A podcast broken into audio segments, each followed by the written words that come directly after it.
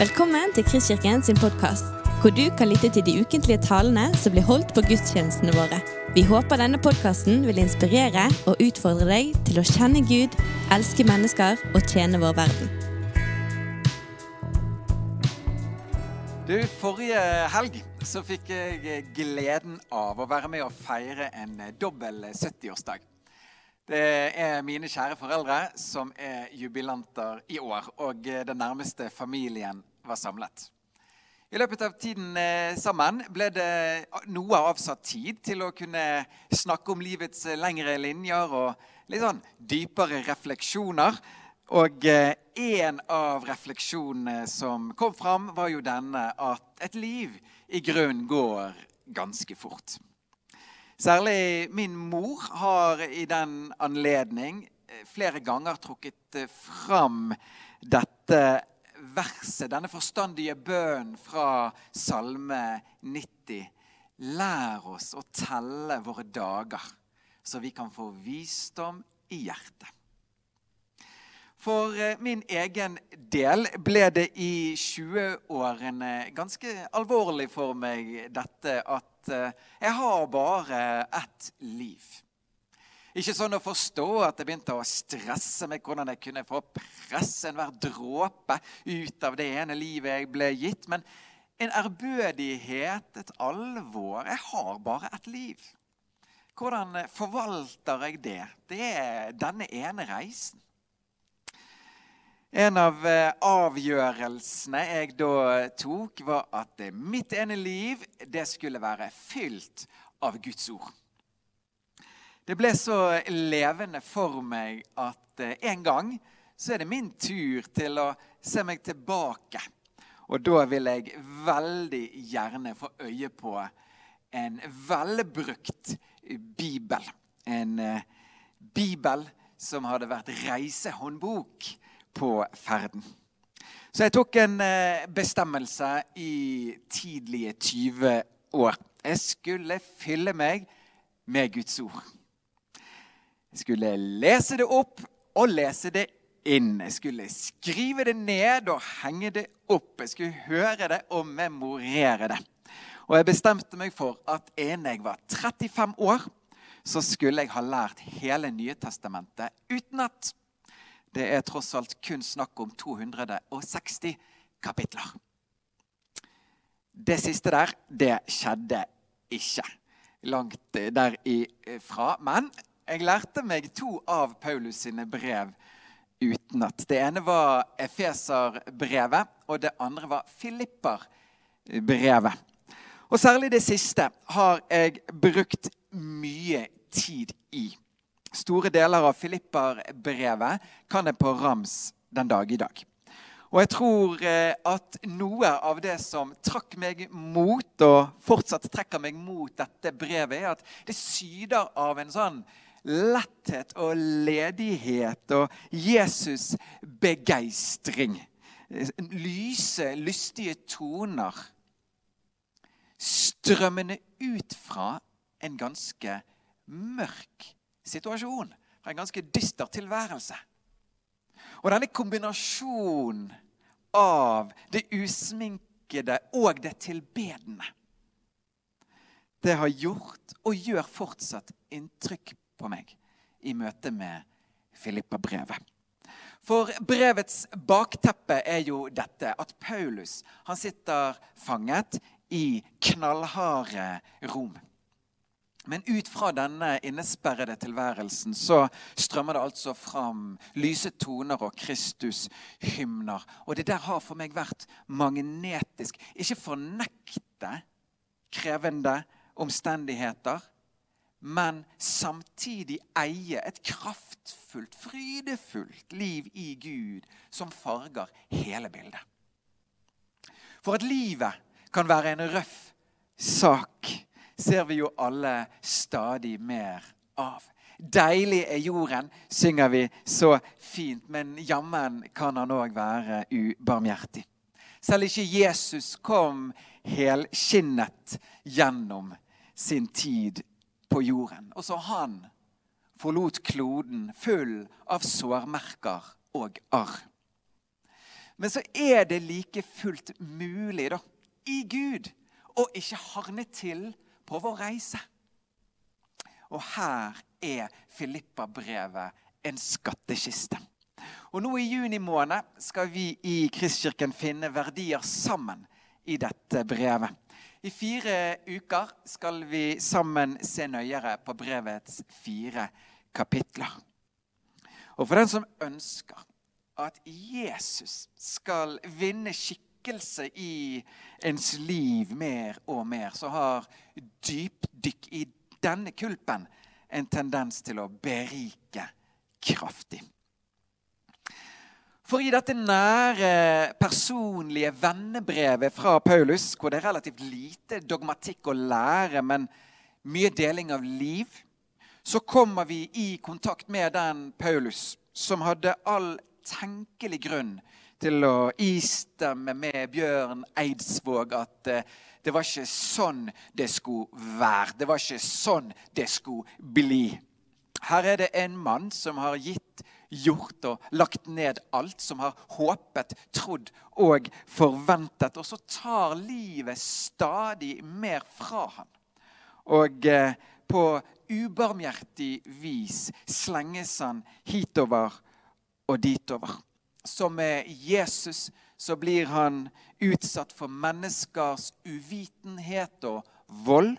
Og det finnes så mye god grunn til bitterhet, hardhet og misnøye. Men for å sitere teolog og forfatter Olav Uglem Gleden er dette brevets grunntone. Så hva er dette for noe? Hva er hemmeligheten, venner? Hvordan er det mulig å leve med en lys og ledig innside i en hard, mørk tilværelse. Når livet butter, er det jo så lett for oss å stille dette spørsmålet Hvor er Gud?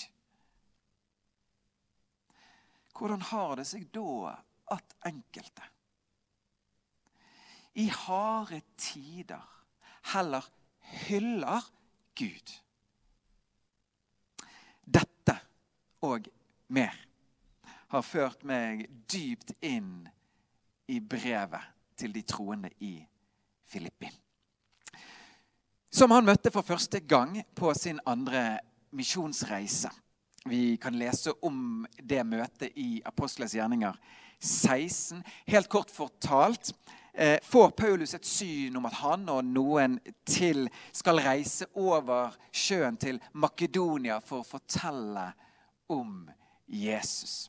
Og I byen Filippi så møter han noen eh, damer som eh, er i en bønnegruppe.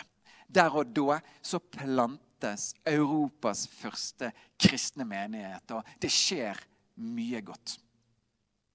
Men etter kort tid blir Paulus og hans kompanjong eh, Silas ført til retten av folkemengden i byen, anklaget for å være urostiftere.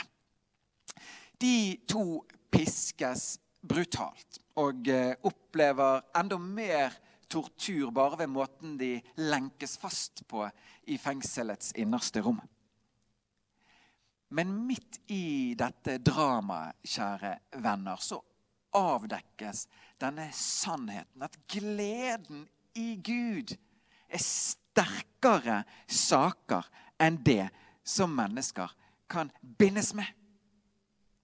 Gleden i Gud er sterkere saker enn det som kan holde mennesker nede og holde mennesker fast. Du vet, Livets omstendigheter bestemmer mye i våre liv. Men de bestemmer ikke alt. De bestemmer f.eks. ikke dette viktige, hvordan vi velger å forholde oss til dem. Og det som skjer her, er at Paulus og Silas sin sterke, friske gudsrelasjon veller opp og fram midt i knalltøffe, steinharde omstendigheter. I fellesskap begynner de to å synge lovsanger til Gud. Og fengselets grunnvoller rystes da så mye at lenkene, det som de er bundet med, faller av. Og det faller ikke bare av de, men det faller òg av de som er i fangenskap ved deres side. Jeg får her lyst til å si den som har ører å høre med, han hører. Deres liv i Gud ble til frihet for folk som var i fangenskap i deres nærhet. Og vi får her være observatører og til det kristne fellesskapets verdi, viktighet og oppløftende styrke når livet viser seg fra en hensynsløs side.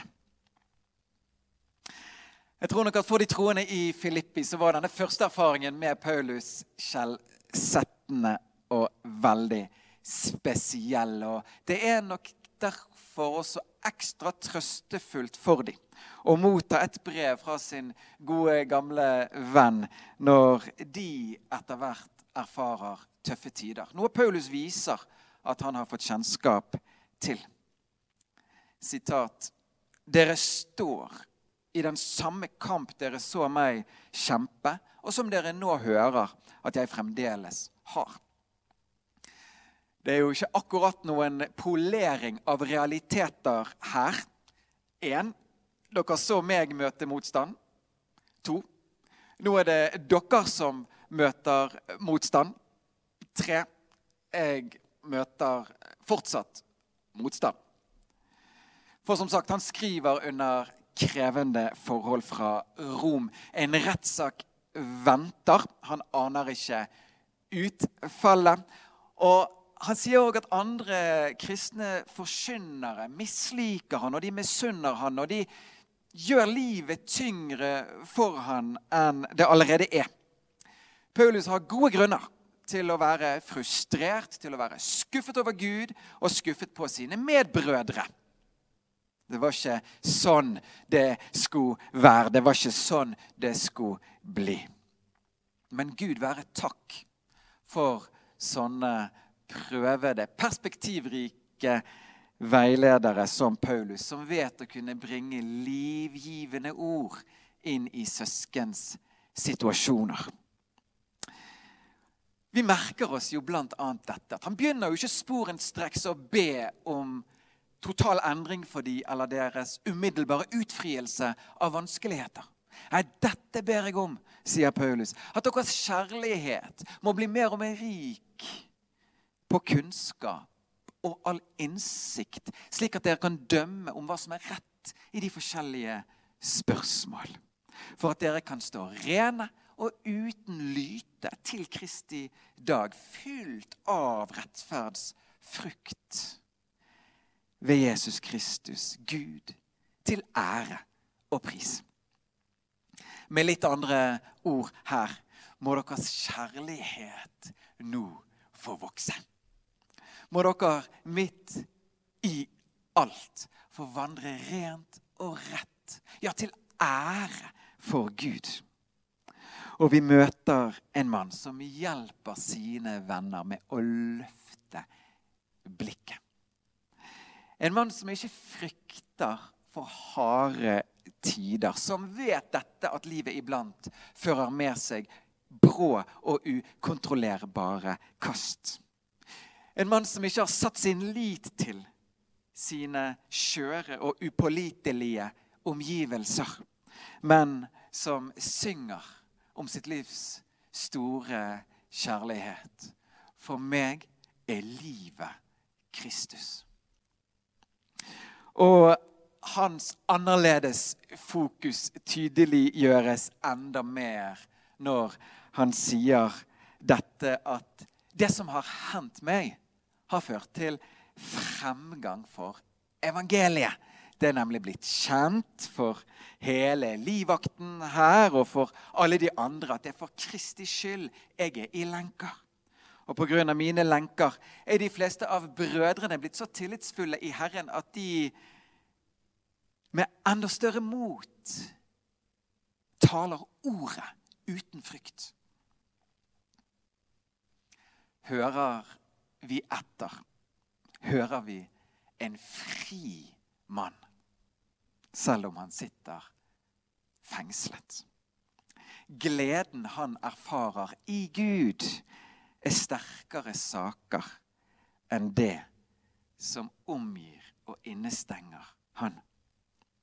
Og nå som hans venner har utfordringer, så sier han til dem, stappfull av førstehånds kjennskap med sår og skuffelser.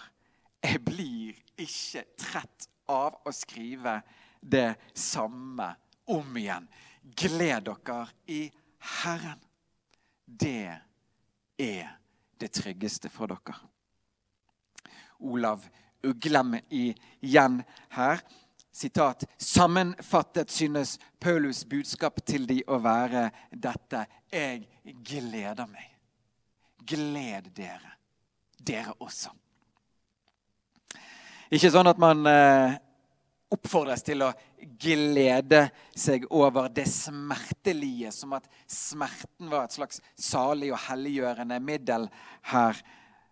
Nei, Paulus taler om å glede seg i Herren, der man i tillit tilber og også overgir sitt liv til Gud og lar Den hellige ånd litt etter litt få lede oss til Jesu frie verden. Uansett hva livet finner på å levere på døren. Led oss til den verden der man gleder seg òg når man tildeles en omvei. Til den verden der man får øye på noe mye større enn forbedring av eget liv. Til den verden der vi får lære av å ligne på vår sårede og samtidig elskende mester. Til den verden der Guds fred, som overgår alt av rasjonale, hjelper oss til å holde både tankene hos og blikket på Jesus. For som en eh, frisk, oppmuntrende og også utfordrende åre skinner dette budskap gjennom i Filipper-brevet. Dere som har fått se og møte Jesus. Finnes det noe av større verdi enn å få kjenne han og bli han mer lik. Og vet du, denne type verdier, denne type skatter, er av et sånt nivå at de ikke oppdages av hvem som helst. Og en av grunnene til det er at de ofte befinner seg i mørket. For når våre omgivelser ikke spiller særlig på lag, da, så går man gjerne til Gud for å oppleve lagspill. Og i dette samspillet med Gud lærer vi Han og hans trofasthet å kjenne. Hvor mange av oss har vel ikke nettopp denne erfaringen at sår i våre liv òg blir Gud sin dør inn i våre liv. Gjennom våre sår så opplever vi evangeliet på nye og dypere type måter. Så Paulus sa altså dette, at det som har hendt meg, har ført til fremgang for evangeliet. Og jeg tror mange av oss kan si det tilsvarende at en del av de kjedelige tingene som har hendt oss, har ført til fremgang for evangeliet. I alle fall i egne liv. Men så ser vi òg dette mønsteret fra både Filippi og Rom. at et sterkt liv i Gud fort blir til fremgang og fremvekst for evangeliet også i andres liv. De rundt oss nyter altså frukten av vårt liv med Gud.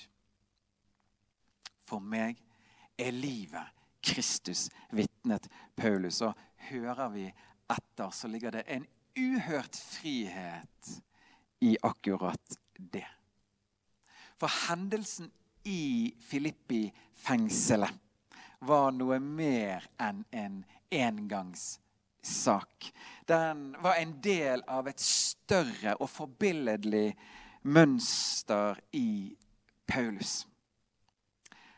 Og fra steinharde Rom så kom det et oppmuntringens brev til Filippi. Som ble til styrke for mottakerne den gang, og som òg kan få være det for lesere i dag, 2000 år senere. Og i dag så vil jeg oppmuntre deg til å la Filipperbrevet få bli en viktig del av eh, resten av ditt liv. For eh, dypdykk i denne kulpen har en tendens til å berike kraftig. Her settes vi på sporet av et Guds liv som bringer med seg lyse toner i tunge omgivelser. Og denne måneden har du en unik mulighet til å dykke i fellesskap med andre. Så samtal om filipperne i små gruppene. Lemp dette brevet inn i kroppen, kjære venner. Les det opp og les det inn. Skriv det ned og heng det opp. Hør det og memorer det. Så vil kanskje også vi med tiden kjenne at vi i sannhet slutter oss til Paulus' vitnesbyrd og tidløse budskap til troende søsken. Jeg gleder meg i Herren. Gled dere, dere også. Du har lyttet til en podkast fra Kristkirken i Bergen. Vi håper du har blitt inspirert og utfordret i din vandring med Gud. Vil du vite mer om oss, så klikk deg inn på kristkirken.no.